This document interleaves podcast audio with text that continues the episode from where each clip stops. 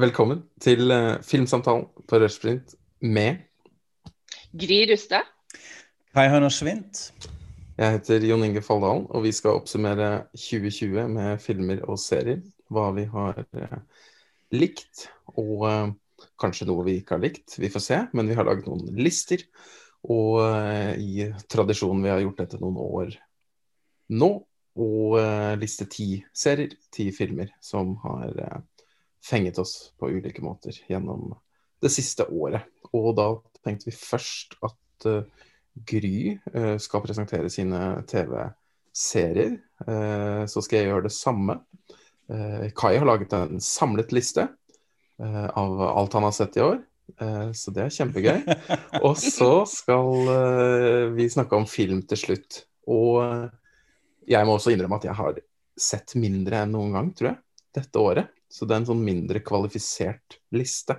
Men det er jo litt uh, naturlig. Og, uh, men det er interessant, og det kommer vi til å komme inn på underveis. Ja. Men eh, Gry, fordi, du som ja. har sett mest, ja? Ja, for jeg har jo sett masse. For jeg har jo bare vært hjemme fordi det har vært en pandemi. Så jeg føler jo ja. at jeg har fått sett veldig mye dette året. Uh, men uh, for å begynne med TV, da. Jeg må si at jeg faktisk har vært ganske skuffa over uh, TV-serier i år. Det har nok noe med at har, vi har stått midt i en pandemi. Eh, som gjorde at veldig mange sånn eh, klassiske serier da, som helt sikkert ville kommet på lista mi, ikke ble spilt inn. Sånn som f.eks. Succession, som jeg hadde som nest beste serie i fjor, f.eks. Har jo ikke ja, fått en ny i år, da. Ikke sant. Eh, kjempebra. ikke sant? Den ble jo ikke spilt inn. Så jeg merket at det, det ble Det føltes liksom at dette var året for at Netflix bare spidde ut det de hadde. Litt sånn uavhengig av kvalitet. Alle bare Hva er vi, hva er det vi har som vi kan fylle på? denne strømmetjenesten eh, vår, og så ble det eh, lagt ut. Men det var jo også gode eh, ting i årets ser det seg ut. Eh, jeg tenkte jeg skulle gå veldig kjapt gjennom fra ti til fem, og så kan vi begynne å diskutere litt mer derfra. Eh, på tiendeplass så var det faktisk eh, Jeg brukte faktisk sommeren til å se meg opp på Better Call Saul, som har vært ja. en sånn gjennomgangsserie på sånne topplister. jeg brukte veldig lang tid på å begynne på den, fordi jeg er jo en av de få som ikke liker Breaking Bad. Den havnet så høyt oppe på Alan Zappin-Walls uh, liste tror jeg. Better Call ja. Uh, så den er bra. Uh, og så The Good Fight. Uh, litt sånn kunne antakeligvis ha kommet høyere opp, men fikk, vi fikk bare seks episoder pga. pandemien. så The Plot Against America, som er sånn klassisk David Simon-serie, basert på en roman av Philip Ross. Eh, så har vi de seks siste episodene av Bojack Horseman. De delte opp den siste sesongen, så det ble litt sånn rart. Eh, og så på sjetteplass så eh, har jeg Rammy, som er, er en sånn personlig komedieserie som handler om en ung millennial muslim i USA lagd av komiker Rami. Eh, på femteplass så har jeg da Mandalorian, eh, som jeg må si er mitt eh, høydepunkt i uka. Uh, nå, uh, etter at den nye sesongen begynte. Det er så gøy. Det er rett og slett det man har ønsket av Star Wars-universet. Jeg vil si at Mandalorian er det beste som har kommet ut av Star Wars-universet siden uh, Return of the Jedi. Helt det er ikke noe annet ja. av det nye som Helt kan enig. måle seg med Mandalorian. Det er kjempebra. Ja. Um, ja, er Mandalorian på noen av deres lister? Ja, jeg har den på min blandet liste. Midt på plass fem, men jeg er helt enig. Eh, dette er en sånn høydepunkt av uka, og akkurat det at de har klart noe rart, nemlig ved å sånn nedskalere dette litt sånn oppblåste, litt selvhøytidelige filmuniverset som er jo underholdende når man henger med og man ville se hvordan denne sagaen avslutter, men man ble litt lei òg, skjønte jeg, når jeg begynte med Mandalorian og tenkte herregud, ja, bare tar det litt sånn, tar det mindre, tar det litt ned, og dermed ble det kjempebra. Kule folk. Ja. Samtidig kan du litt sånn krysskrysse inn i denne lauren, og så dukker Boba Fett opp. og altså det blir, Du får jo denne Star Wars-fiksen samtidig som det følger en litt sånn western-struktur og er, er mindre Jeg har jo ikke sett nok av dette til å kunne vurdere det, men hva, hva mm. handler det om kort? Hva vil dere si, hva er dette, hva dreier det seg om? Det handler jo da om en uh, Mandalorian eh, som får et oppdrag. Eh, og hva og er en Mandalorian? det, er jo, det, det, er jo et folkeslag i Star Wars-universet mm, ja. som er veldig myteoppspunnet. Boba Fett er jo en av de. Mm. og han dukker jo, som Kai sa, opp Senere. Og nå har jo Mandalorian gått så lenge at det ikke er noe spoiler å si at eh, det er denne Mandalorian I hvert fall spoiler alert nå, da, for dere som hører ja. på. Ja. Eh, skal passe på, er eh, en liten baby-Yoda mm. som er så søt. og så, har, så, i første sesong så ble jo dette en sånn kjempe kjempegreie på internett. Fordi denne skapningen er jo kjempe, kjempesøt. Altså, jeg fikk jo en Animatronics Baby Yoda til bursdagen min nå, fordi jeg syns ja. han er så søt. Men det var vel revealen i første episode, var det ikke det? At det var ja, siste det var bildet, så ser man at ja. Og nå vet, nå vet, vi jo at han heter Grogu. Eh, baby. Ja. Han har fått et navn nå. Vi finner jo mer og mer ut av hvem han muligens er. Ja, men Da skal jeg kanskje se meg opp på litt Mandalorian, jeg også. Du må det gjøre, det fordi den fungerer med sånn cliffhanger-spenning, egentlig. At det er ganske tett vevet, så man har lyst til å henge med, samtidig som de har sånne enkle episoder som fungerer i seg selv, med sånn enkel suspens. Altså denne isetterkopp-episoden, Jesus, episode to yeah. nå, det var noe av det mest spennende jeg har sett. Uh, veldig gøy.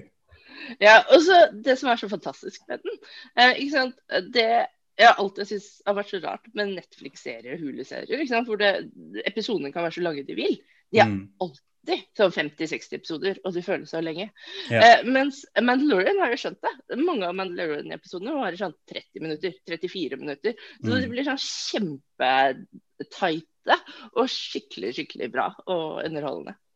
Så har det noe med estetikken også, at de har jo utviklet teknologien uh, på en veldig interessant måte. De klarer jo nå å spille inn egentlig uten green screen, men de har klart å lage sånne eh, LED-screen som er faktisk på settet, så du kan bygge inn bakgrunn, alt det, med en sånn spill-engine-logikk. Så du kan forandre bakgrunnen mens du er på settet. Skuespillere spiller mot faktisk landskap osv. Du må ikke legge det inn etterpå. Og det vises òg, syns jeg. Det er en sånn de minner jo litt mer på de 70-talls-, 80-tallsfilmene, nettopp de, fordi man har ikke en sånn data-CGI-estetikk på samme mm. måten som de filmene kanskje hadde. Så de er, det er gøy å se på. Absolutt. Og så til slutt vil jeg bare ja trekke inn musikken av Ludvig Göransson. Mm. Den er så bra. Herregud. Det er helt fantastisk. Ja. Du nevnte jo også kort Plot Against America. Du har jo doktorgrad på David Simon fra før. uh, han kom med. Jeg hadde den på sånn hederlig omtale rett under min topp ti. Syns jo det også var en veldig god serie som brukte tiden sin veldig uh, riktig. Uh, lang, langsom fortelling som, som, treffer knallhardt mot slutten, syns jeg. Så ja. Altså, det handler jo om eh, fascismen, eh, som, altså nazismen, eh, som oppstår i USA eh, før andre verdenskrig. Altså, det er jo basert på Philip Roth sin roman.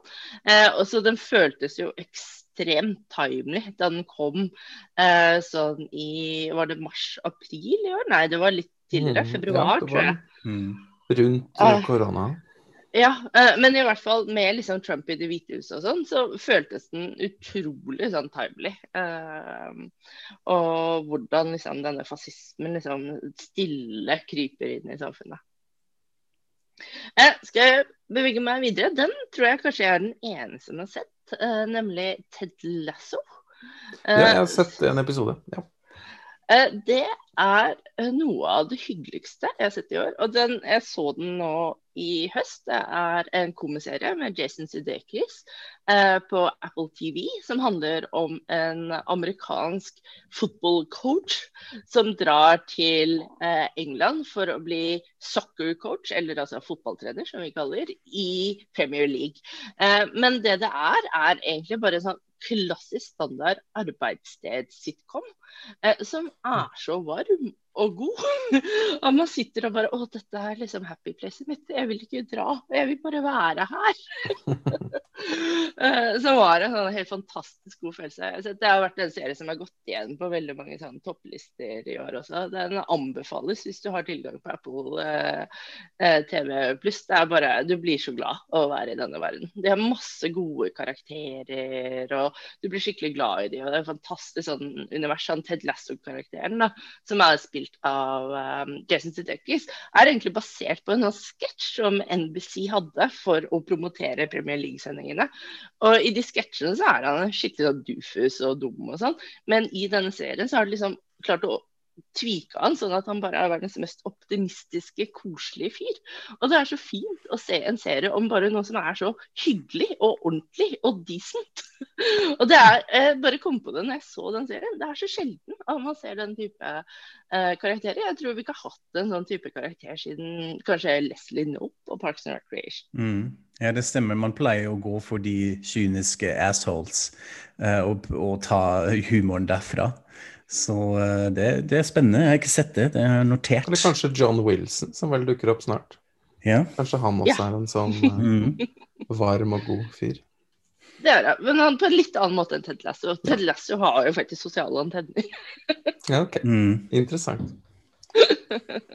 Eh, på tredjeplass har jeg nok en sitcom. Altså det, vi snakket om det før vi begynte å ta opp. Det ble mye komedier i år. Jeg tror det har litt med hvordan verden er nå. Man hadde et stort behov for å le. Uh, det er som under krigen. Ja. da var det Tante Pose og Fjols til fjells. og nå er det We're back to comedy. Men uh, der på min tredjeplass så har jeg vel en serie som dere begge har, og en serie som vi uh, alle tre har vært veldig glad i lenge, nemlig Kirby Enthusiasm. Um, som kom tilbake yeah. dette året med en helt fantastisk sesong. Eh, fordi jeg husker forrige sesong så kom det litt sånn Ja, det var bra nok, liksom.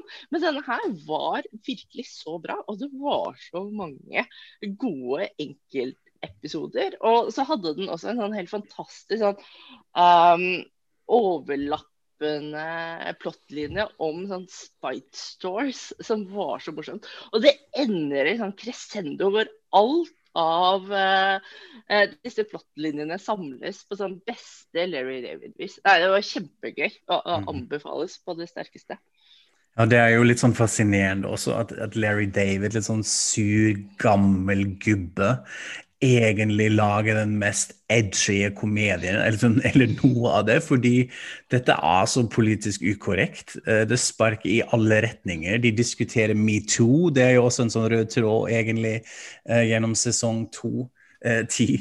Uh, og masse minefields hvor man bare uh, tenker hvordan er disse redaksjonsmøtene? Hvordan er dette når de sitter sammen og får oss diskutere en serie, og han bare sånn kjører over det? Og jeg har tenkt veldig mye på også, hvorfor, er det, hvorfor fungerer dette uten at det blir shitstorms og sånn? Det er kanskje først og fremst fordi han har kanskje aller mest kritisk og avslørende på seg selv. Altså Han utleverer jo seg selv som den største assholen midt i alt dette. Det er kanskje derfor det fungerer. At du får en sånn det, Her er det en sånn sur, hvit, gammel mann som dekonstruerer seg selv. Og det er derfor det er så gøy å se på. Men uh, ja, altså jeg har den på topp én av min liste. Uh, den har uh, fått meg gjennom 2020 på en, på en måte. Veldig gøy. Den ledet lenge hos meg også. Mm. Det er jo Happy New Year Jeg leser episodetittelen nå. Happy New Year, Side Sitting, Artificial Fruit. You're not going to get me to say anything bad about Mickey. Insufficient praise. The surprise party. The ugly section. Mm -hmm. oh, yeah, Elizabeth, Margaret and Larry. Beep, Panic yeah. All The Spite Store. Det er, uh, man ler litt av bare titlene, hvis man mm. husker um, Side Sitting. Han har jo noen av disse Insufficient Praise, Ugly Section. Det er veldig um, I motsetning til andre serier som kanskje ikke har så gode titler, da, så har denne punchen til og med der. Eller den gode ideen. Mm. Um, og dette var jo pre-korona. Pre Vi så på dette i januar. Ja. Så en, del av den gamle verden. Ja, ikke sant. Og i denne, denne sesongen så har han jo faktisk noen episoder hvor han faktisk er litt snill. Eh, sånn som eh, den episoden med han eh, avisselgeren som ikke har noe toalett å gå på. Ja, Sånn at han drar eh, til eh, han for at han skal kunne gå på do. mm. Og det er John sånn der- til å stå der òg, var det ikke det? Jo. Jeg tenker, Men det er det som alltid har vært geniet til Larry David. da, er At han ser de der små tingene som jeg tror egentlig ikke så mange av oss tenker over. Eller og hvis vi tenker over det, så bare prøver vi å legge det bak oss, fordi det er så irriterende å tenke på. Uh, men ikke sant, bare det å tenke på altså, Han har sikkert stå, kjøpt avisa, så er han bare sånn hvordan går uh, han avisselgeren på do? og så blir det en curb-episode. Det er helt fantastisk. Og så blir det jo en eh, sesong 11, eh, så det er håp til neste år. Det er ikke ferdig ennå. Det er veldig fint. Jeg syns han også treffer så dypt inni det vi ikke tør å innrømme. At sånn er jeg også. Ja. Eh, at det, er en ting er at det er smått, men det er også så smålig. Mm. Den derre spiten, altså at man så er så furten og bitter. Og nå skal jeg lage en butikk Ja. På grunn av det. så mye tid og energi Ja. for å bare få ut den spiden. Og det er jo sånn vi gjør med tankene. Vi lar de spinne av gårde eh, ganske ofte. Mm. Eh, I hvert fall hvis jeg skal snakke for meg selv. Mm. Men at han, han klarer å gjøre det, og så virkelig se hva skjer hvis jeg agerer. Fantastisk. Jeg husker jeg sa til en venninne en gang at uh, jeg identifiserte meg en del med Larry David. Da. Jeg kjente meg igjen i veldig mange av de situasjonene han selv kommer opp i, og liksom hvor jeg blir irritert og sånn. Og hun bare 'hæ? Nei, du kan jo ikke det'. Jeg bare, Oi. Jo, jeg gjør det. Ja, vi er nok litt onde på bunnen. Vi er nok det. Ja. Uh, Skal vi gå videre til min nummer to? Der har jeg en nykommer. How to with John Wilson, som er en HBO-serie. Eh, det er vel en slags dokumentar eh, hvor, som er produsert av Nathan Fielder, hvis noen eh, husker han. Som lagde Nathan for you. Og serien er veldig det landskapet. litt sånn rart, absurd, men også veldig varmt og godt. Og litt sånn sosialt, litt sånn hjelpeløst på mange måter. Første episoden handler jo om at eh, John Wilson, da, som denne serien handler om, som vi nesten ikke ser, vi ser liksom bare det kameraet han ser, eh, handler om at han skal lære oss å gjøre smalltalk. Eh, så det liksom setter på en måte eh, standarden da, for denne serien. Eh, så serien handler da om John Wilson, som tydeligvis har gått rundt og bare filmet New York i det må ha vært årevis. Altså, han må ha så mye arkivmateriale, denne mannen, som da har blitt klippet frem til liksom sånn små, søte, dokumentariske, eh, småpoetiske episoder som handler om ja, small talk, men også om eh, stillaser. eh, på bygninger i USA. Og eh, den siste episoden var helt fantastisk. Altså hvordan man lager risotto. Eh, så dette her er Det føles rett og slett veldig nytt. Jeg tror det er det jeg likte så godt med denne serien. Eh, Jon Inge, du har vel også denne på din liste, har du ikke det? Absolutt. Den er høyt oppe hos meg. Um, eh, det er jo en sånn video-essay, førstepersonsfortelling, med en kar som har bare stukket kamera foran øynene. Og han forteller jo også om at han har filmet mye sånne dårlige infomercials eh, eh, som sin dayjob lenge. Så han har vel lett etter kanskje noe interessant å finne, og har et sånt helt særegent øye da, for å se rare situasjoner, og så også kommentere dem eh, på en sånn sår og rar og quirky og morsom og rørende. Og det går jo helt fra, som du sier, i første episode hvor setupet handler om smalltalk, og han bare avslutter veldig sånn lett med å si om at nå skal jeg lære deg sånn at all conversations you'll ever have will be smalltalk. Som er en sånn Dette er jo helt grusomt å skulle se for seg at vi nå skal lære hvordan alle framtidige samtaler skal bli det.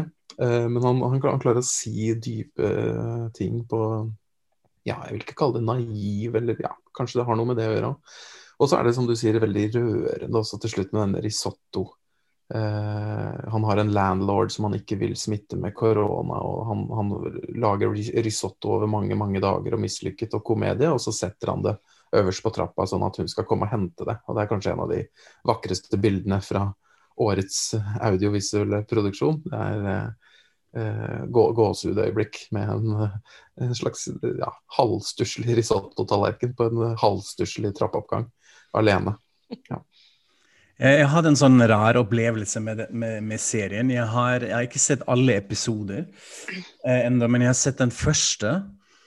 Og ble så ufattelig irritert. Jeg klarte ikke å koble til denne personen. Jeg ble, ble så irritert av han. Jeg tenkte OK, har, har en autist fått et kamera og går rundt i New York, og så drar han til uh, spring break party uh, og møte verdens største dust, som han prøver å lade opp med mening og betydning, og jeg vil, jeg vil bare at det slutter. Så blir jeg så sur. Men så hopper jeg inn i siste episoden. Uh, som dere sa, uh, snakka om, og hadde nesten sånn motsatt opplevelse. Jeg var på gråten flere ganger. Jeg syns det var så rørende og så fint. Uh, og så var jeg sånn Hva i helvete er dette her? Så det er et sånt prosjekt som jeg prøver å fremføre før året er over, at jeg ser de andre episodene. Fordi jeg, for jeg føler at dette For meg ble det noe her i midten. Uh, veldig merkelig opplevelse, men, men uh, ja, foreløpig er det også det som jeg syns er mest imponerende, er den videoessay-tilnærmingen som du snakker om, Jon Inge. At det må være så sinnssykt mye materiale som han filmet.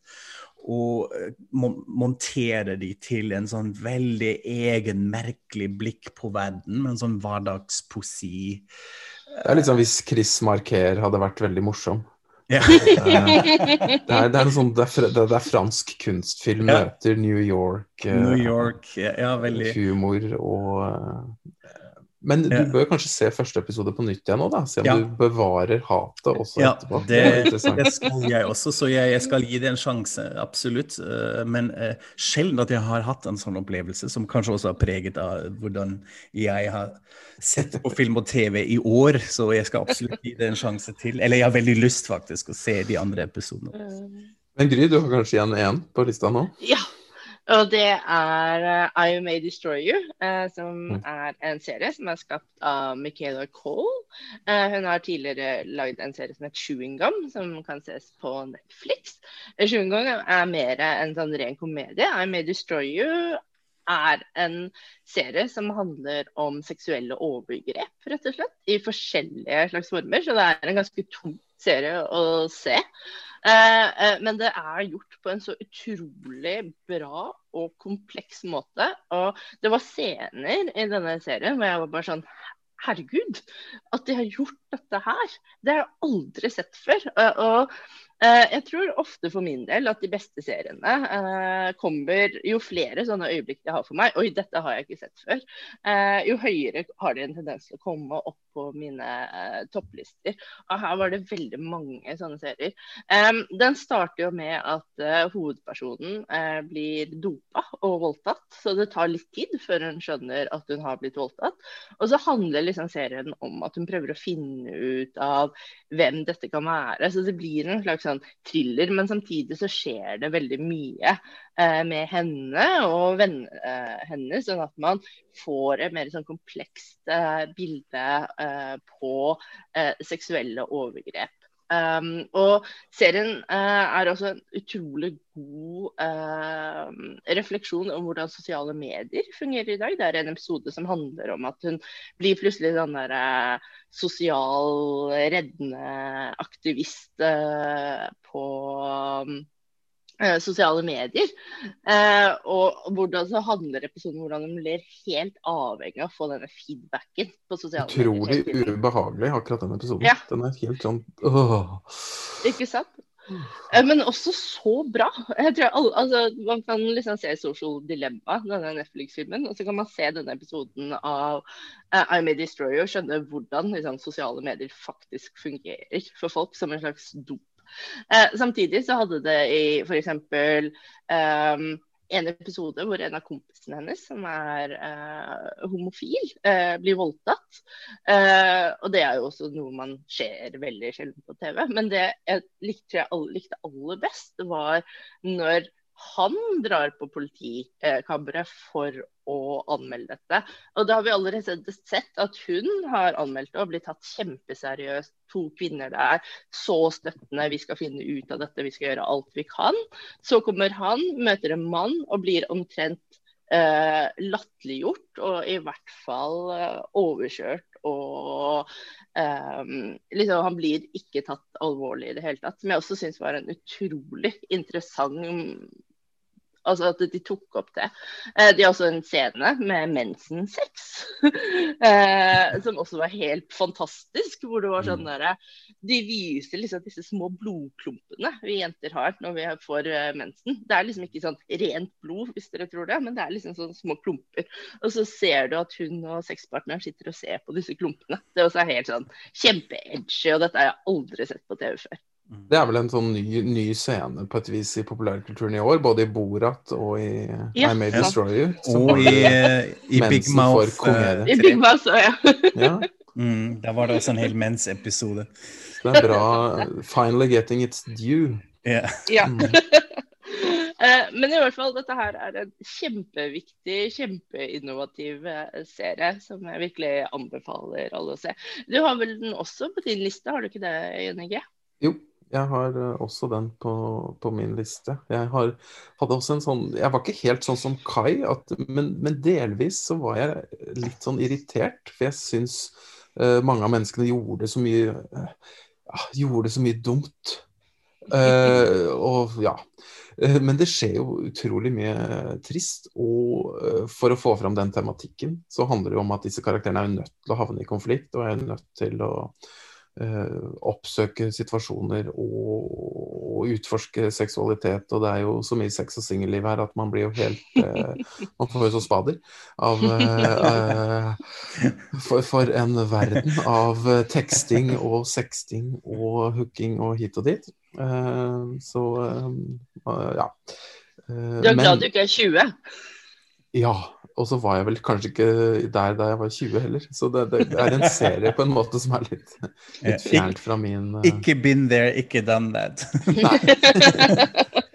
Og så kan man jo fantasere, men akkurat dette universet i den serien her ville jeg ikke vært en del av. Men jeg syns det er veldig mm. fascinerende at uh, de har klart å skildre det såpass nyansert, da, som du sier, Gry, at det er så mange nyanser av uh, overgrep. hva er gråsonene, hva er reelle overtramp, og hva er eh, ulovlige eh, voldtekter, rett og slett. Og mm. også den der, Jeg syns serien er veldig god på og, og en fantastisk rolleprestasjon av hovedrolleinnehaveren til å, å, vise fortvilelsen, depresjon, å være manisk, være glad, sur, usympatisk, sår, snill. Altså en, en veldig mangefasettert uh, rolletolkning, da. Som, uh, mm. som, selvfølgelig også er helt riktig i dette året 2020, med Black Lives Matter og en sånn mm. enorm uh, sosial omveltning, kan man håpe. Vi får se. Uh, ja, fordi det er jo også ganske spesielt i I May Destroyer. Altså, alle hovedkarakterene er jo fargete, faktisk. Og det er jo heller ikke så ofte man ser på TV, eller i hvert fall ikke det har jo blitt vanligere, men det er veldig sjelden hvor du får en cast som hovedsakelig består av fargede personer. Så jeg tror også det er veldig viktig. da. Um, nå, så, det, så, jeg tror I May Destroy You uh, føles rett og slett veldig viktig. Altså Det er en serie som man bør se, fordi den tar opp så utrolig mange uh, vesentlige og viktige temaer. Uh, altså for eksempel, Jeg må innrømme at jeg visste faktisk ikke at eh, hvis en mann tar av seg kondomen eh, mens han har sex, så er det faktisk voldtekt. Altså det er en juridisk voldtekt. Det er faktisk ikke lov med, hvis ikke det er samtykke om at kondomen skal ta av seg. Mm. Lærerik man... og ja, sånn emosjonelt gut-punchende serie. Har du sett den, Kai? Jeg har ikke det, men uh, har den på lista.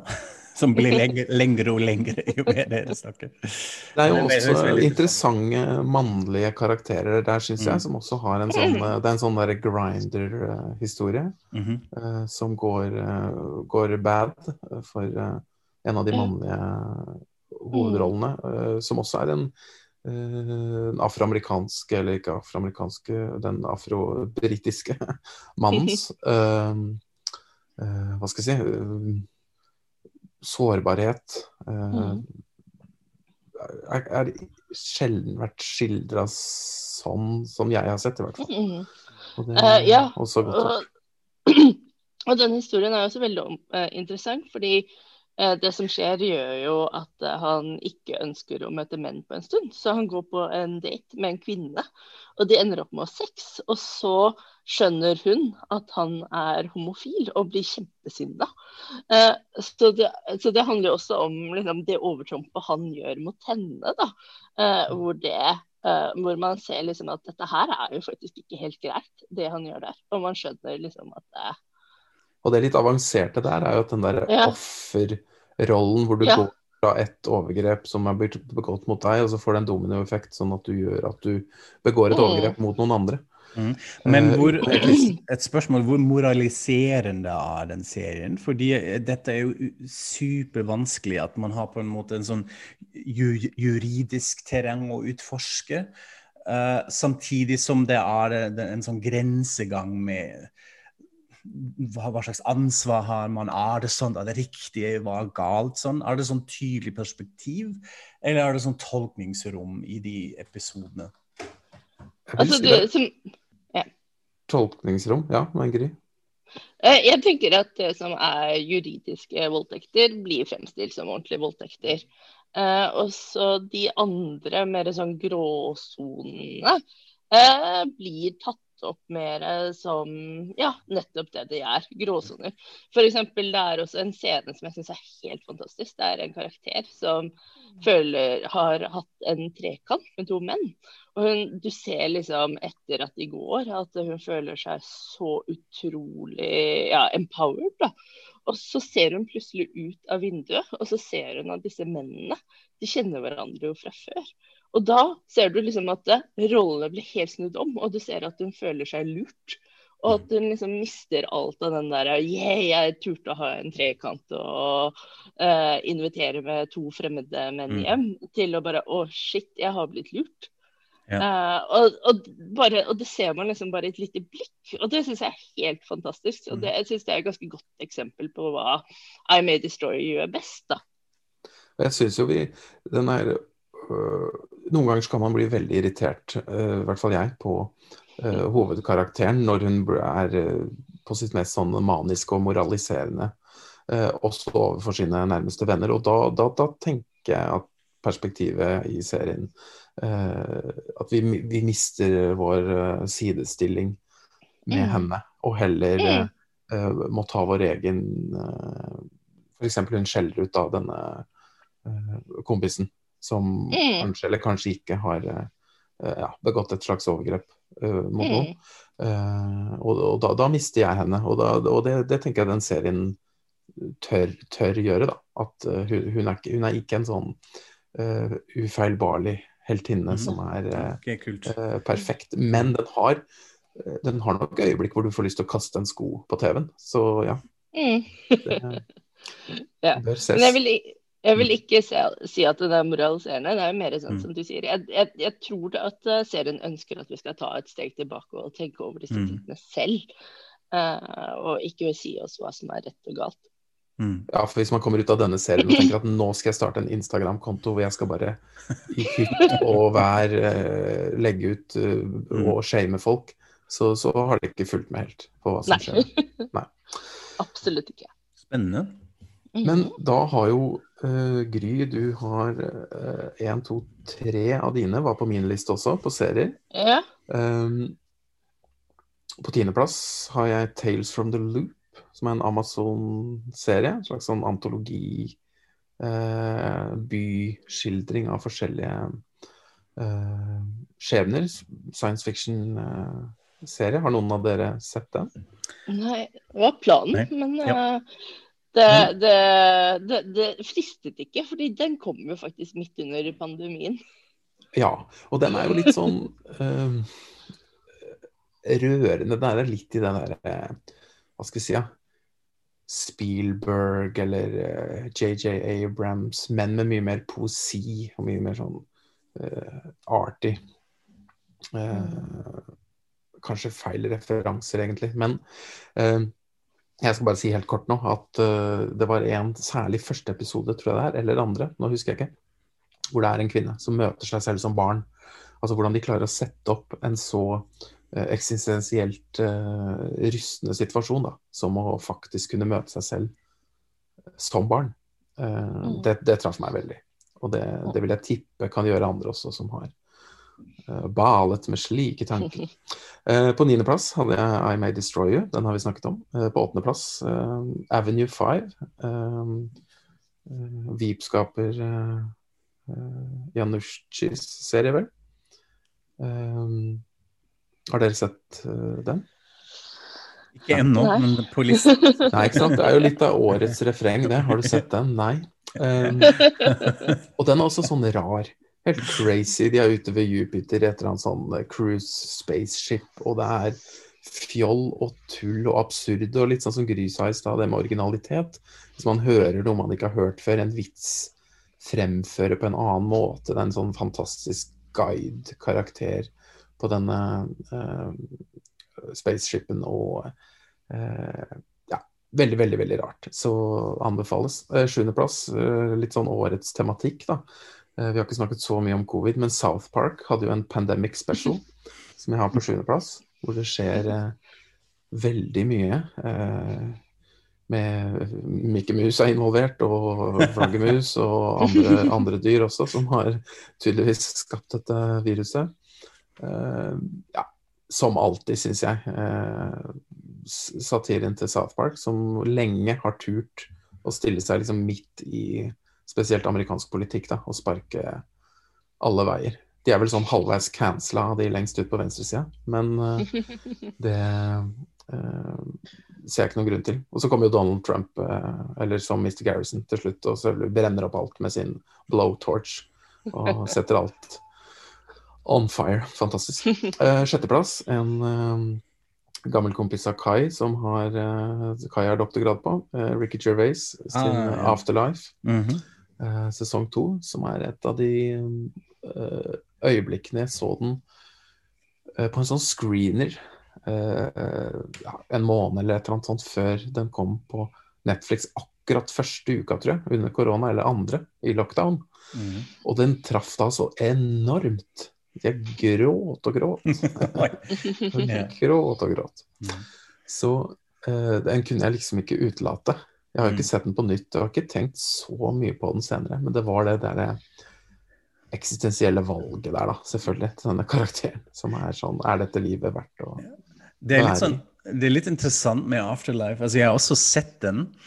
Uh, at han på en måte ikke gi seg med det konseptet, selv om det er en sånn gjentagelse fra sesong til sesong. Ja, han er fortsatt trist. Han savner fortsatt døde kona. Uh, men han jeg, Det som imponerte meg mest, egentlig, den, at jeg syns han har blitt, blitt, mye flinkere som skuespiller. Han har en del sånne gråtescener i serien som jeg ikke har sett på hans sånn repertoire, i hans repertoar av Gervais, som, som, også rørte meg, faktisk. Uh, samtidig at det er, det er litt sånn ujevnt i tonaliteten. At han er egentlig mer interessert i å ha denne snakke om kindness uh, og denne triste siden, og så utbalanseres det med en sånn grov humor og scene hos han psykiateren som jeg syns var så mislykket. Syns det fungerte ikke i det hele tatt. Det var så utroverdig, de samtalene nå han har hos mm. den psykiateren, som er bare ikke believable i det hele tatt. Som... Nei, det er nok det dårligste serien. Jeg likte kanskje de to siste episodene best, når det er den skoleframføringen, ja, mm. hvor alt bare blir uh, helt bonanza. Mm. Crazy. Um, men jo. Ja. uh, Femteplass, Better Things. Nok en solid sesong av Pamela Adland, syns jeg. Den begynte litt slapt, men uh, syns den ble ja, en av det siste tiårets beste serier, som jeg syns fortsetter i uh, igjen nye, nye scener, nye ting man ser som ikke uh, har vært skildret så mye. Fjerde hadde jeg John Wilson, How to with John Wilson. Den har vi snakket om. På tredjeplass Dave fra HBO. Uh, også en uh, Jeff Shafer involvert, altså apropos Curb. Uh, om en eh, sånn eh, struggling up and coming rapper. Veldig særegen, rar type. Mye kroppshumor, verbal humor.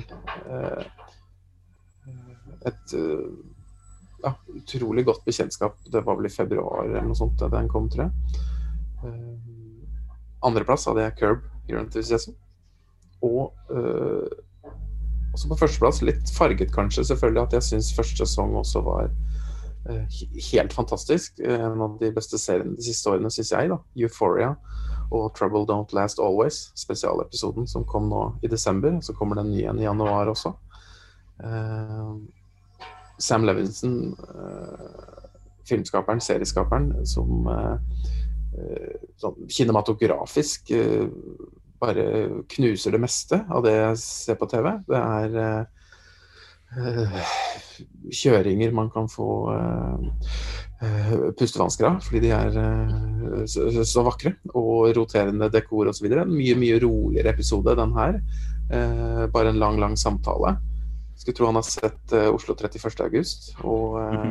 lar samtalen utspille seg over ja, 50 minutter på en diner etter en litt sånn eh, fransk nybølgeinspirert åpning med to drømmende unge jenter i eh, et eh, forhold som eh, ikke er der, sannsynligvis. Um, ja. meget bra. Ja, jeg må, jeg må si jeg, jeg, likte jo ikke første sesongen av Euphoria. Jeg, jeg tror jeg hadde litt av det samme problemet med Euphoria som du hadde med I May Destroy You. Eh, bare at jeg ble veldig irritert. Og så Det som er forskjellen på Euphoria, føler jeg, og I'm a Destroyer, som har en del lik tematikk, da, er at Euphoria er mm. bare mørkt, og det er ikke noe humor. Eh, men i I'm a Destroyer så har du i hvert fall disse morsomme eh, komiske innslagene som gjør at du får sånn OK, nå kan jeg le litt. Nå, nå kan jeg slappe av litt. mens jeg husker jeg syns første sesong av Euphoria bare var så deprimerende. Det var helt grusomt. Uh, jeg tror Hvis jeg hadde sett den under lockdown eller i pandemien, så hadde jeg antageligvis uh, ja, blitt deprimert av å se den serien. Jeg blir mest sånn oppslukt av det estetikken. Uh, altså jeg er kanskje litt mellom, de, mellom dere to med, med, første sesongen, som jeg også så. At Jeg var så jeg syns det så så vakkert ut. jeg likte å se på dette. liksom Stirre på skjermen og fargene og montasje og, og, og alt det. Men, men kom meg ikke helt inn. altså Jeg var litt sånn Jeg, jeg kobla ikke helt rasjonelt til. Så um, ja. Jeg bare tenkte på, Det hørtes Å, alle fargene. Jeg tenkte OK, kanskje det er riktig hvis man er på samme nivå eh, som altså, karakteren og kanskje tar og røyker litt, så fungerer det kanskje veldig mye bedre. Ja, jeg hadde jo også sånn, tatt masse drugs, så ja. Jeg, jeg, jeg, klarte å koble meg på selv om uh, det ikke var noe drugs involvert. Så jeg, jeg på en måte ble, ble, med gjennom den man skal si, glossy overflaten mm. og fant uh, Mm. Om, om, om, ikke om, det er dybde eller flathet, jeg vet ikke om man skal si det. Og jeg er helt enig i at den er veldig dyster. Og, men jeg syns også det er en sånn godtepose for alle som har uh, likt uh, high school-sjangeren eller ungdomsskildringer ja. eller skoleserier. Mm. Uh, og, og, litt sånn over the top bad guys. Og, og samtidig som disse jentene i hovedrollen syns jeg er, de er nye og spennende. og uh, ikke sånne du har sett helt uh, tidligere, uh, mm. syns jeg, da. Okay. Men Kai, skal vi da gå til din uh, topp 11? Eh, ja, og det er jo en blandet liste, så jeg, jeg, kan jo fortsette hvor dere er nå, med TV, nemlig. Og bare plukke ut mine TV-entries. Eh, det er kanskje de fleste også. Vi har snakket om en del, så jeg skal være litt kjapt òg. Kanskje velge ut de som er litt off her. Eh, på niendeplass har jeg nemlig en tysk eh, TV-serie som er på Netflix, som jeg ble kjempeglad for å finne der. Siste ord heter den, 'Das letzte Wort' på tysk, um, som er en sånn merkelig På tysk har vi det teite ordet 'dramedie'. Dramakomedie. Men det beskriver dette ganske fint. Dette forteller egentlig en en slags familiehistorie. handler om en uh, dame som er 50, heter Carla, og som mister ektemannen på selveste bryllupsdagen. De har en stor fest, det er god stemning og party. Og etter alle gjestene har dratt, så kollapser han ved bordet og dør av et hjerteinfarkt. Uh, og hun må på en måte deale med alt som kommer etterpå, med begravelsen osv. Oppdage mens dette skjer, at hun egentlig har et ganske bra talent for å holde minnetaler og begynne å jobbe som minnetalsperson i et sånt begravelsesbyrå. Det er på en måte én plottlinje, og det andre er til å handle om familien, som rett og slett ikke var så fin som man trodde. En veldig dysfunksjonal familie med en tenåringssønn som ble mobbet på skolen, som forelske seg i psykologen sin og gjør helt vanvittige ting der. Et sånn avspent, eh, anspent mor- og datterforhold. Og min favorittkarakter, bestemoren, som liker å se på porno, og som er kjempegrov og fæl. Eh, så Carla må håndtere alt dette. Og hun ble spilt av ja, kanskje Tysklands ledende komiske skuespiller. Litt sånn Tysklands Linn Skåber, kanskje, kan man si. Så det var veldig gøy å se henne spille litt mer sånn dramatisk og litt tyngre. Uh, og har også et veldig sånn ikke manusreplikkete språk. De snakker som ekte mennesker. Og Uh, norsk tekstingen så jeg henger ikke helt et etter. Det er veldig gøy å se at den norske tekstingen gjør serien litt snillere enn den er på tysk. Språket er mye grovere på tysk. Den, uh, den, Hvor var det du sa den lå igjen? Uh, den ligger på Netflix. Siste ja, Netflix. ord heter det. Mm. anbefales. Eh, så um, har jeg på 18.-plass Teheran på Apple TV. En israelsk eh, spionserie som jeg syns var litt gøy å se på. Jeg trenger ikke å snakke så mye om den, men det handler, handler om en uh, israelsk agent som er født i Iran, og dermed kan farsi og ble rekruttert til et sånt oppdrag om å inn uh, til Teheran for å hjelpe med å Eh, ja, gjør noe med en eh, iransk atomreaktor. Ikke så viktig, men det som er gøy, at den spiller hovedsakelig i Teheran. Folk snakker hebraisk eller farsi. Eh, dette er sånn klassisk spionspenning. Eh, som er ikke så over the top. Eh, ikke stor James Bond, Mission Impossible action, men korte, spennende, små suspensescener og en, sånn, ja, en slags miljøstudie som viser et uh, mye mer nyansert bilde av Iran, som vi er vant til. Uh, dette er jo en israelsk serie. Det er uh, bl.a. av manusforfatteren uh, bak Fauda, som kanskje en del har sett. Så da har man jo litt sånn på godt og vondt. Den viser kanskje ikke en sånn nyansert bilde av, av det israelske perspektivet og hva det betyr å jobbe for Mossad og sånn. Uh, men den fungerer veldig fint, fordi den er både litt sånn klassisk retro, samtidig som, som vi er i det moderne Iran. Uh, og den var veldig fengende. Uh, jeg klarte, klarte, ikke å slutte. så den havner da på min åttendeplass. På Apple TV Teheran. Mm. så har jeg på sjetteplass 22. juli. Uh, som var jo en stor uh, snakkis uh, her til lands, selvfølgelig. Som jeg også syns var Fungerte veldig, veldig bra. Altså, jeg satt og så på det, gråt i nesten hver episode. Ble satt ut av den litt sånn mer journalistiske tilnærmingen som de hadde, hvis man sammenligna med poppefilmen 'Utøya' og den Greengrass Netflix-serie, som har en sånn ulik tilnærming. poppefilmen fungerte veldig bra for meg. Uh, Netflix-serien ikke nødvendigvis. Uh, uh, filmen, ja. Mm. Riktigere enn film. men har NRK-serien syns jeg klarte en slags balanse da, som jeg syns var veldig fascinerende. Uh, jeg vet ikke, Dere har jo sett det òg. Fun funker det for dere? Ja, jeg likte ja, 22. Mm. juli veldig godt. Og det var vel det av boblerne mine også. Ja, absolutt hos meg. Og jeg hadde en egen liste over litt norske serier som jeg også bob boblet opp under her. Og skrev en sånn lang analyse også, for så vidt, for Rushprints lesere av 22. Eh, juli, som ligger der, den. Mm. Um, andre serier? Klar? Ja, eh, og så er det min fjerdeplass, og det er da kanskje også den siste TV, fordi min første er jo Curb, som vi allerede snakket om. Mm. Min fjerdeplass var en fullstendig overraskelse som jeg er egentlig litt flau over, men jeg koste meg så vanvittig med dette. The Undoing på HBO. Mm. Nicole Kidman, Hugh Grant. Mm. OMG, var dette gøy. Uh, jeg vet ikke hvorfor, egentlig. Eller jo, jeg vet hvorfor. Altså, Nicole Kidman er jo en sånn fascinerende skikkelse, fordi jeg syns hun er ganske flink med å velge ut roller for seg selv. Samtidig, altså som i Big Little Lies og sånn, samtidig som hun egentlig alltid spiller litt sånn på samme måten. Eller sånn uberpen og uh, litt sånn fjernt, egentlig. Så jeg var litt irritert, men dette passer veldig fint til karakteren Eh, hennes. Dette er en sånn klassisk hodanet, rik familie i Manhattan. Hun er psykolog, han er eh, en sånn kreftlege for barn. Uh, og så skjer det et drap.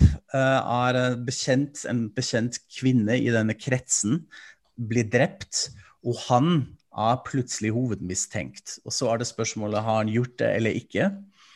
Eh, så skal jeg ikke si noe mer, fordi uh, dette er uh, kjempespennende. Vel... Sa du ikke at det var en Hugh Dunnit? Nei, det er oh. uh, Sorry. nei, kjempebra.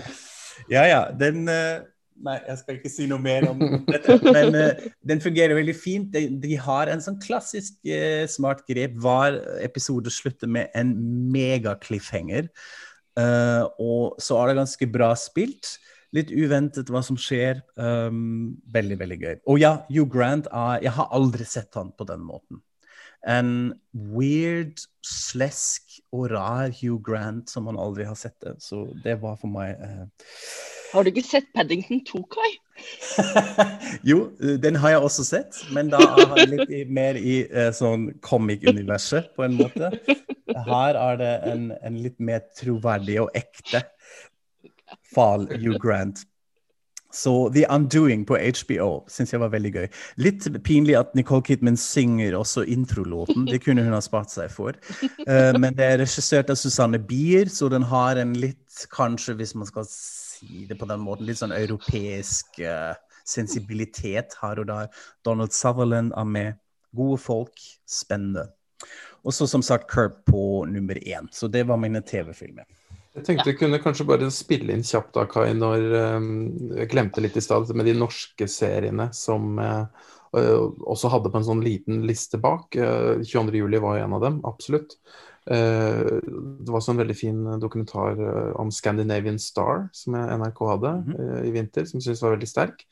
ellers er det jo tre komedier der også som jeg syns har vært strålende. Jeg likte godt i vinter 'Hvite gutter' på TV Norge. Ordentlig sånn rølpete revyaktig serie, men jeg syns den tar veldig på kornet. En sånn spesiell eh, sosiokulturell eh, gjeng.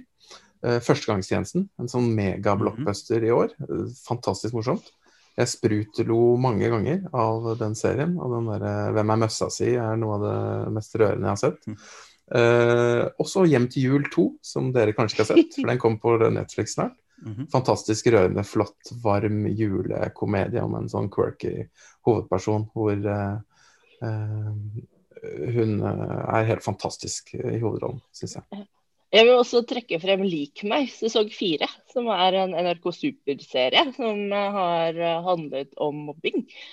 Denne episoden handler det da om den kurdiske og muslimske karakteren Arin, uh, og hvordan hun opplever uh, kulturpresset da, mellom foreldrenes forventninger og det å være sammen med vennene sine. Uh, en helt fantastisk serie, og egentlig alt det Skam sesong fire burde ha vært. jeg syns mhm. dette er en veldig, veldig mye bedre skildring, mye mer gripende om hvordan det er å være ung muslimsk jente i Norge i dag. Så den anbefales. Skal vi gå over til film? Ja, da er det Kai. Da har du filmer på lista. ja, jeg, jeg har filmer på liste. Tre eller fire. Da introduserer du film. Da begynner jeg. ja. Eh, jeg har jo den rare, litt loser-aktige blandete listen, så jeg har elleve uh, totalt. Og På min plass nummer 11 kommer inn filmen jeg uh, og vi, tror jeg, i hvert fall du, uh, Jon Inge og jeg, så i går. Um, nemlig filmen Host. Ja. Zoom-skrekkfilm. Zoom-skrekkfilmen. Som var veldig morsomt å uttale på norsk. At man tror den kanskje heter Host, og så er det covid-19-filmen. Nei, men det heter Host. Det er en, eh, som jeg skrev til deg, en cool little shocker. Um, det er ikke noe mer eller mindre, men uh, altså en, en, skrekkfilm som er basert på et Zoom-møte, som vi alle kjenner oss uh, til. Uh, også spilt inn som en Zoom-film, faktisk. Um, Uh, britisk skrekkfilm av um, regissøren Rob Savage. Veldig enkel, tight skrekkfilmpremiss. Flere venner møtes på Zoom og skal ha en seanse uh, med en sånn mediumdame fra Skottland som også zoomer inn. Og så ved et uhell klarer de å conjure opp en sånn ond spirit. Oh nei, oh nei. som plutselig der begynner å håndte alle. Men dette er så jævlig effektiv. Jeg skvatt og brølte høyt flere ganger. Du tar jo på kornet veldig møter på Zoom. Møter på Zoom. Det er jo mange Zoom-møter som er som skrekkfilmer, faktisk. Kanskje, ja, hvordan man til slutt bare har lyst til å eksplodere hodet. Men her er det samtidig selvfølgelig blandet, blandet med den ja, mockumentary-sjangen som vi er så kjent til. Paranormal activity. sånn... Uh, sånn mockumentary-skrekk som man egentlig har blitt litt lei av. Men har, syns jeg Host klarer å gi dette en sånn ny vri, spesielt fordi Og den har jo kinopremiere nå. Eller ikke kinopremiere, kanskje, Nei. men premiere nå. Eller Nei, hva, det, hva som skjer. Og det er kanskje en av de få filmer hvor det er faktisk gøy å se den på laptopen sin. Og jeg hadde jo en sånn mega jump scare fordi jeg fikk en, en melding, en, uh, e-post i Outlook, og hadde glemt å lukke Outlooken min, så dette kom inn med et høyt pling midt, midt, under en sånn sakte og rolig scene som, som, var en stor jump scare. Og så er det veldig gøy hva de leker mot slutten. litt sånn En Zoom-session uh, som er i ferd med å gå ut. Så får du en sånn countdown 20 sekunder til, og så skjer det noe akkurat i siste sekunden som uh, du blir litt sånn open-mouthed til. Så den var veldig gøy. Um, Syns du det òg? Du har jo sett den. Ja, den var artig. Mm. Men uh, vi kan gå videre på resten av filmene. Ja. Ok, uh, Så for å ta nivået fullstendig ned, har jeg valgt ut Extraction med Chris Hemsworth, som kom ah. på, på Netflix. Litt eye candy? Eh, litt eye candy, ja, absolutt. Han eh, går rundt i bare overkropp eh, i flere scener. Mm, men også litt sånn estetisk sett. Dette er en full on action-film eh, som jeg lo høyt av flere ganger, bare fordi den er så over the top. Eh, det er filmdebut til Sam Hargrave, som er egentlig en standkoordinator eh, for flere av de Marvel-filmene, som lagde en sånn tight 80-talls actionfilm Eh, premiss, uh, broken hero, uh, Chris Hemsworth som en leiesoldat som må inn i Dakar, i hovedstaden i Bangladesh, for å finne den kidnappede sønnen til en drug lord. Og så er det to timer med action. Uh, lange tagninger inn og ut av biler, slåsskamper. Kjempegøy. Veldig, veldig gøy. Dritdam. Veldig dam, men fantastisk laget. Og traff kanskje litt sånn min koronapandemi-lockdown-følelse. Som din uh, uh, Ja, det er vel landsmann Wittgenstein en gang sa. At kan, uh, man kan lære mye av en dum amerikansk film. Det er et sitat. Det er Wittgenstein. Sitat 1947, tror jeg det er. Fra en dagbok. Ja. Veldig bra. Da har vi utbalansert extraction med Wittgenstein, så det er veldig fint. Um, så har jeg enda en skrekkfilm på syvendeplass, eh, som er, er litt feil å kalle det for skrekkfilm, men det er veldig markedsført sånn. Relic. Debut til en uh, australsk uh, filmskaper. Um, som Nå har jeg glemt hva hun heter. Nei, hun heter Natalie Erica James. Uh, Japansk-australsk manusforfatter egentlig, som har lagd filmdebut med Emily Mortimer uh, i hovedrollen. En mor og en datter må dra tilbake til huset hvor bestemoren bor, som har forsvunnet. De vet ikke hva som har skjedd med henne. Ingen har sett henne, så de prøver å finne henne. Plutselig dukker hun opp. og er litt annerledes enn hun var før. Uh, det er noe creepy med henne, og det er veldig strange. Jeg skal spoile det litt, uh, fordi jeg syns det er litt viktig her. Dette er egentlig en film om demens. Det er en mor som uh, forsvinner. Personligheten løses opp. Men den er iscenesatt som en skrekkfilm. Uh, hun forsvinner da i huset, bokstavelig. Uh, I veggene, og mor og datter må prøve å få henne tilbake. Dette handler om deres relasjoner. Så har det en vanvittig skummelt, men også rørende klimaks. Uh, den syns jeg var, var, veldig spennende og noe annerledes. Selv om man gjorde kanskje filmen litt av en bjørnetjeneste, at den ble markedsført så skrekkete. Uh, det var egentlig det jeg hadde. Så har jeg, ja, jeg har Parasite på andreplass. Um, som eh, ble jo veldig mye snakket om, uh, Bong Yun-ho-filmen. Jeg vet ikke hvor mye vi må snakke om den igjen. Uh, vi hadde jo en liten diskusjon også om den er faktisk fra i år, men den kom altså Den hadde jo sin heyday kanskje i 2019, men ble lansert i Norge i år, vant Oscar osv. osv. Uh, jeg har tenkt mye på den, selv om det er noe litt oppskrytt med den òg. Um, men Ganske mye, syns jeg. Ja, ok. Dere var ikke så fans? Ja. Uh, men fra når jeg tenker tilbake, var det fortsatt uh, en liten standout for meg. Det var mine filmer. Ja.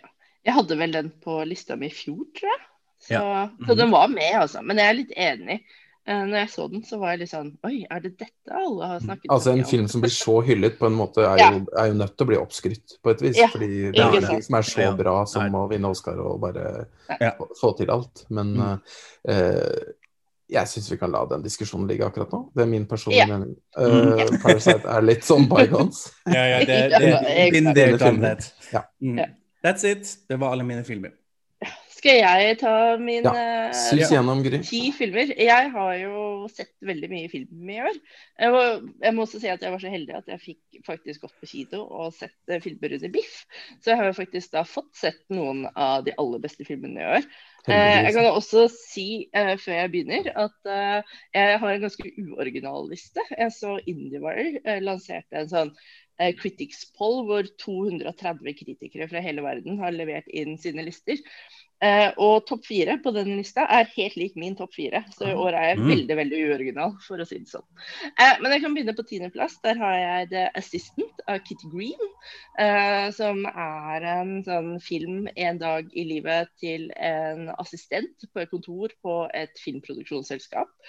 og det er bare helt forferdelig. Det er en horrorfilm. Det handler om arbeidslivet i USA i dag, og det er bare helt yeah. På niendeplass har jeg Bate som gikk på Cinemateket i sommer, av Mark Jenkins. Um, en fantastisk liten sånn sort-hvitt-film som handler også om liksom, den onde kapitalismen, uh, litt sånn som The Assistant. Uh, det samme gjør filmen jeg har på åttendeplass, selv om jeg egentlig har skjønt at den egentlig hadde premiere i fjor, litt sånn som Parasite, nemlig 'Sorry I, We Missed You'. Eh, som er Ken Loach, som ja. gjør det Ken Loach eh, klarer å gjøre best. Eh, denne gangen så handler det om en eh, familie som eh, sliter i nyliberale England. På syvendeplass så har jeg Death Root, um, som er Koreda sin franske familiedrama. Jeg må kanskje si at uh, jeg tror jeg savner uh, det japanske, men uh, til å være et familiedrama, så er det kjempebra. Du har vel også den på lista di, har du ikke det, Jon Inge? Jo, det er vel ingen hemmelighet at vi er langvarige Koreda-fans. Har jo snakket om han mye på disse podkastene opp gjennom årene. Jeg syns også den var veldig strålende og veldig godt å se litt sånn klassisk filmkunst. Eh, alvorlig. Eh, ikke preget av eh, trender og eh, Ja. Han fortsetter å lage sine filmer, tenker jeg. Selv om det var på nytt språk og med nye skuespillere.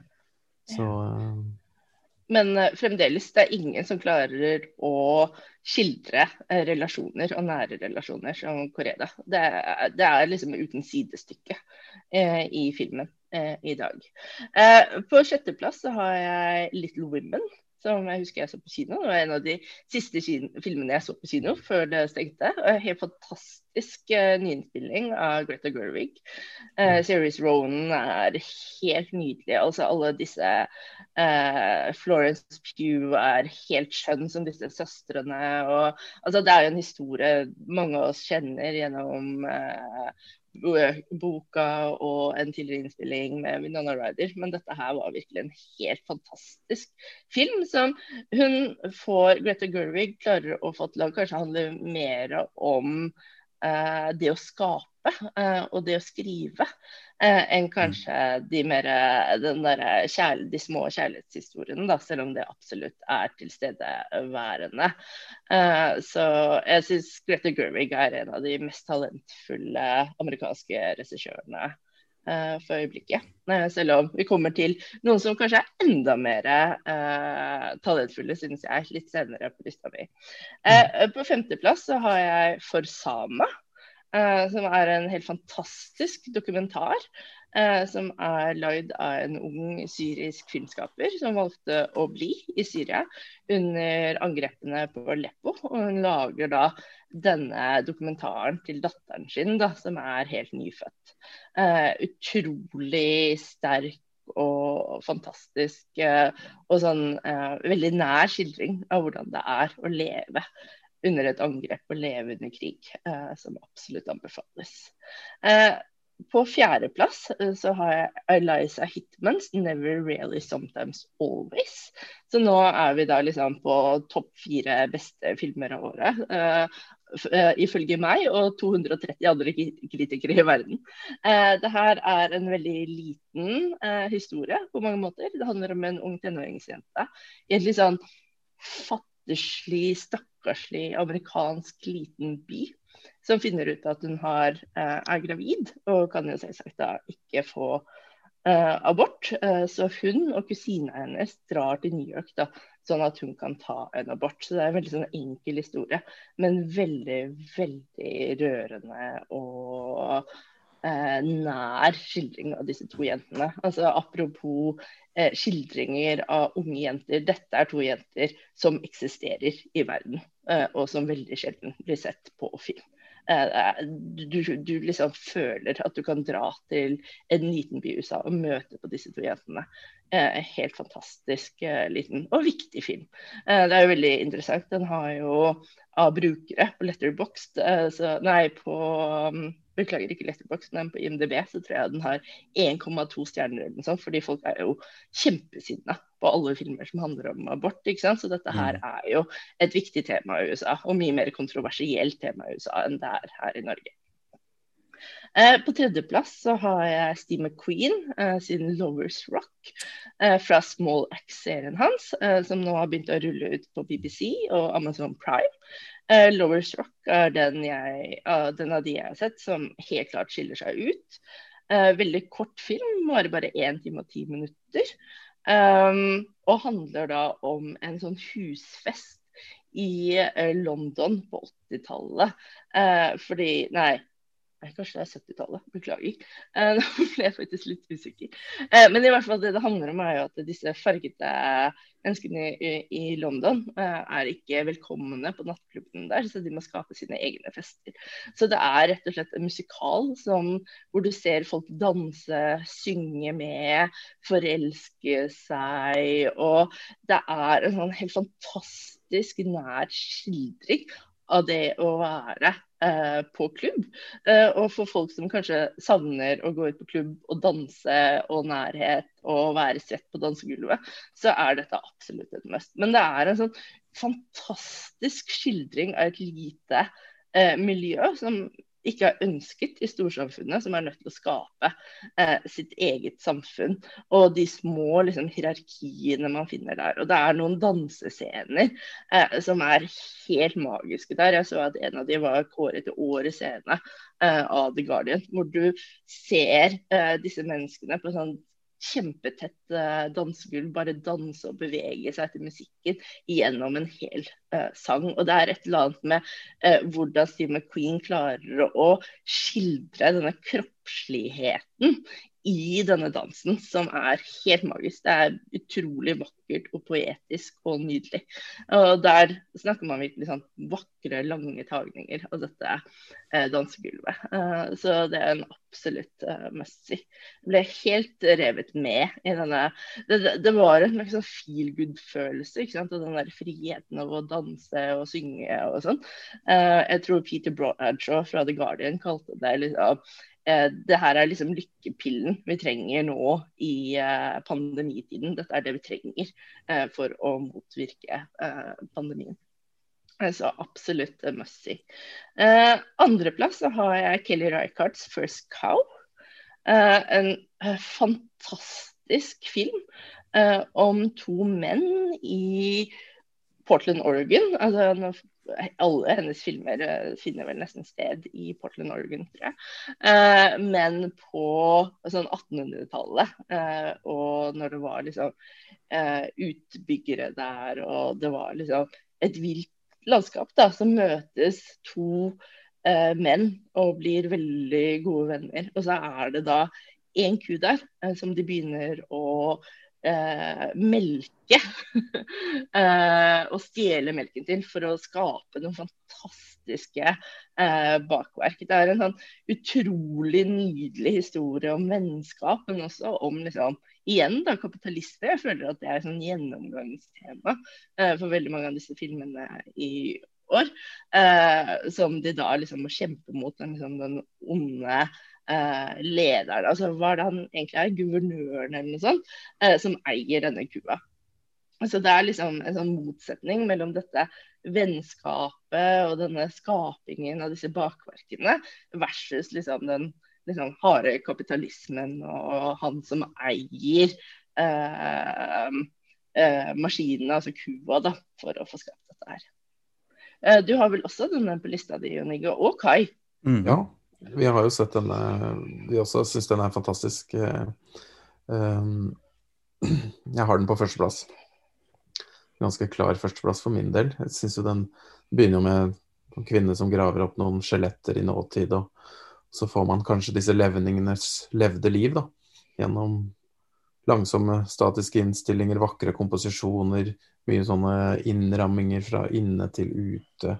Eh, vinduer og sprekker mellom bjelker og frostrøyk, og det er sånn uh, odd couple eh, setup på et vis. Og denne melkingen om natta er veldig uh, ja, spennende etter hvert. Den er også litt uh, en, en, film som klarer å liksom langsomt uh, innenfor det jeg vil kalle Jeg vil kalle den en western, egentlig. Det er jo en mm. sjanger som er kanskje den beste sjangeren til å være sjanger. Altså Den er så enormt god til å være western. Uh, og her er det en helt ny Reichardt har jo nå på en måte laget en ny uh, variant innenfor westernsjangeren. Uh, veldig troverdig, og teksturen og klærne og taktilt. lydene og luktene fra tiden og de derre øyeblikkene som vanligvis ikke vises før og etter mm. såkalt viktig handling.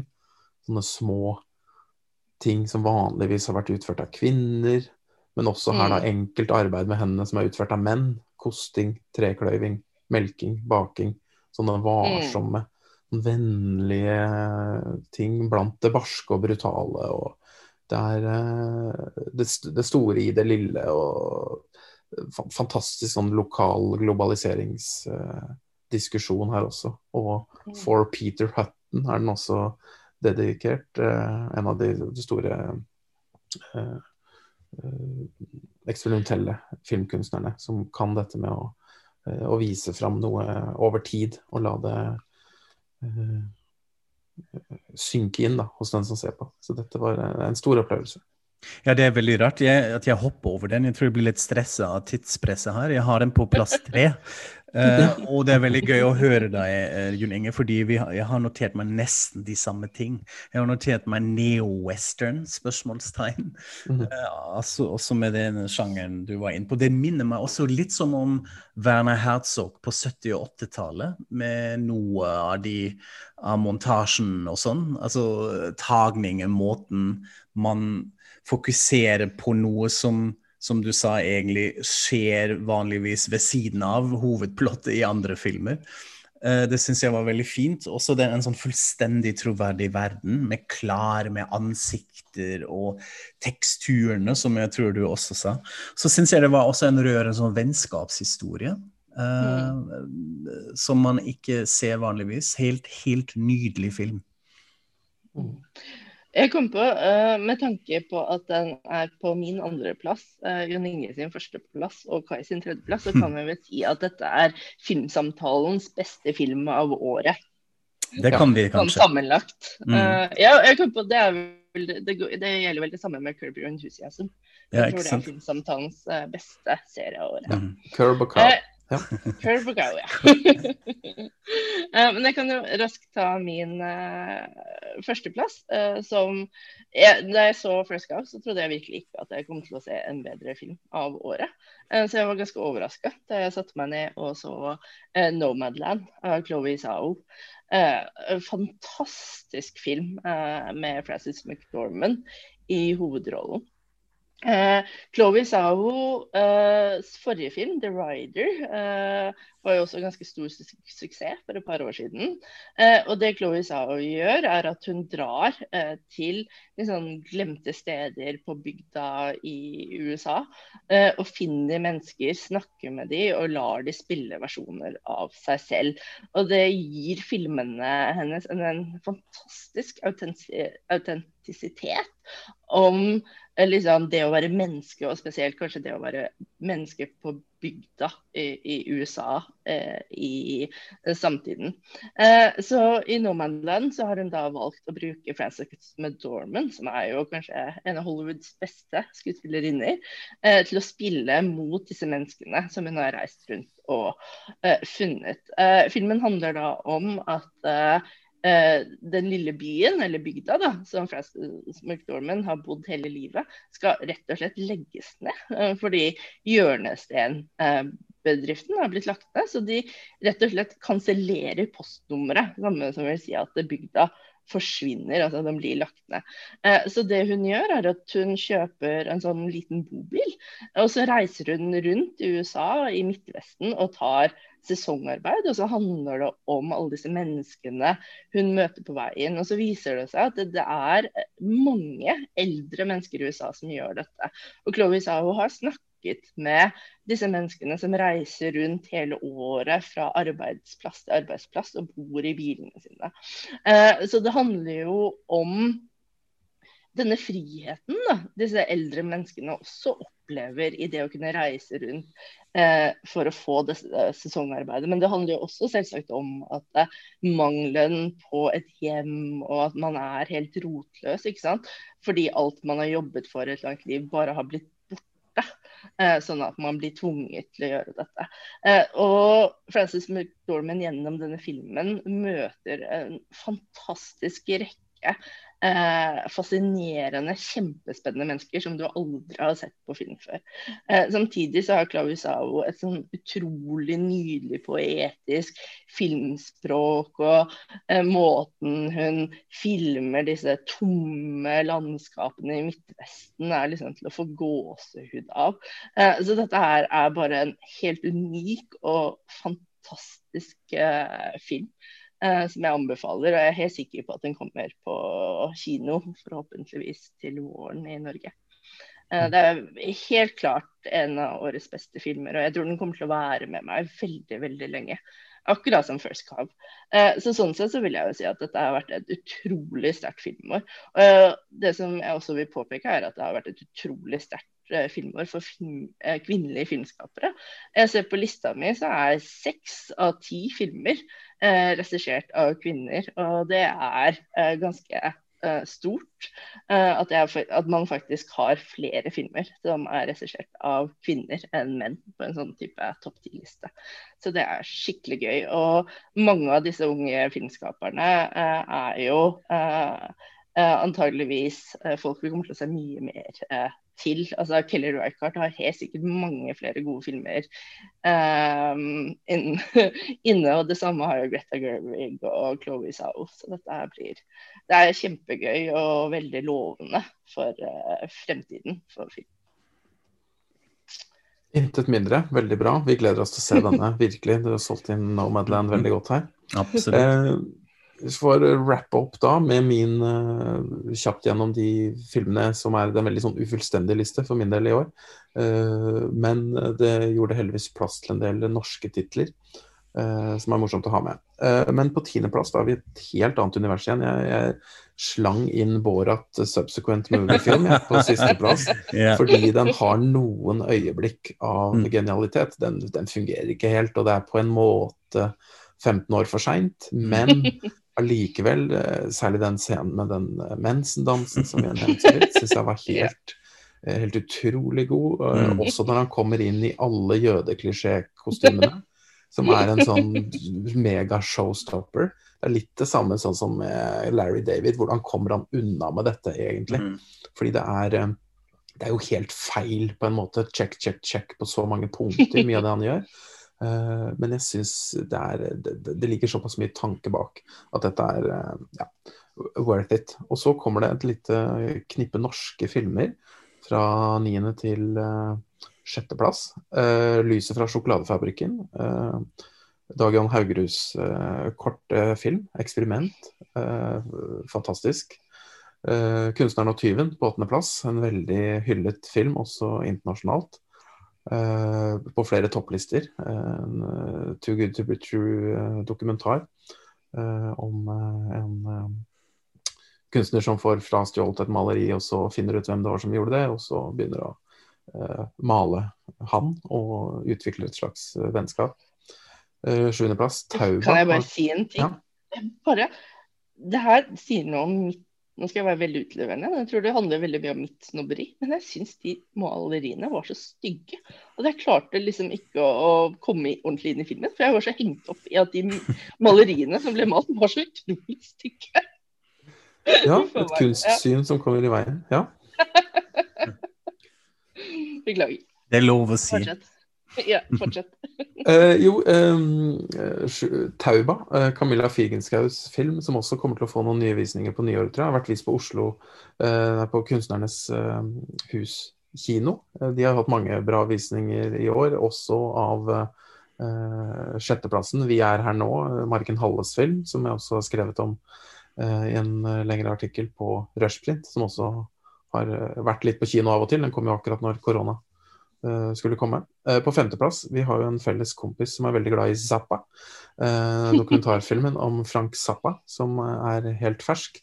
et utrolig portrett av en stor kunstner som jeg vil tippe selv for de som ikke skjønner noe av musikken til denne mannen, vil skjønne veldig mye av denne mannen etter å se denne filmen. Så det er et tips. Fjerdeplass er en slags sånn dobbel Eh, tittel. Det er eh, Roy Andersons eh, 'Om det uendelige' og dokumentaren 'Being a Human Person'.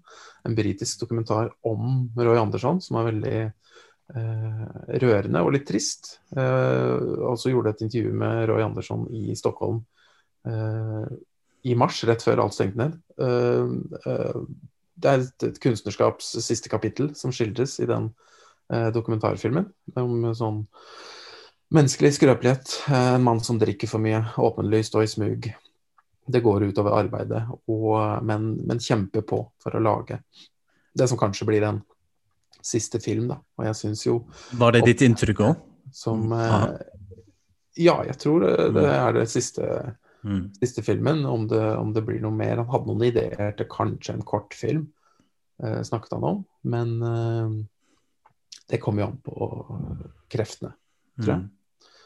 Uh, synes jo det er noen scener som jeg tenkte på nå i det siste Nå er det lenge siden jeg så Om det uendelige, men uh, husker særlig igjen nå når det er desember og kanskje snøen faller, når det ikke er tåke eller regn innimellom. Han som er i baren og står og uh, snakker om hvor vakkert, hvor vakkert det er. Og uh, det er en som spør hva er det som er vakkert, og eh, han svarer vel alt. Alt er vakkert. Mhm. Eh, som er en sånn eh, så overgripende holdning til livet som noen ganger kan være god, god å ha. Jeg, jeg må Mm. innrømme at jeg ikke kjenner på den hver dag.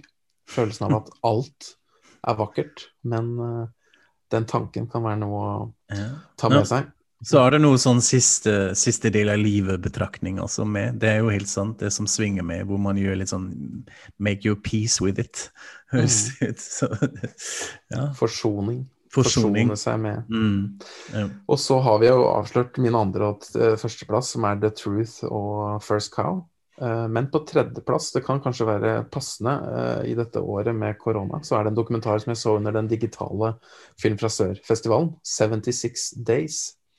Som er en eh, kinesisk eh, dokumentar om 76 dager i Wuhan.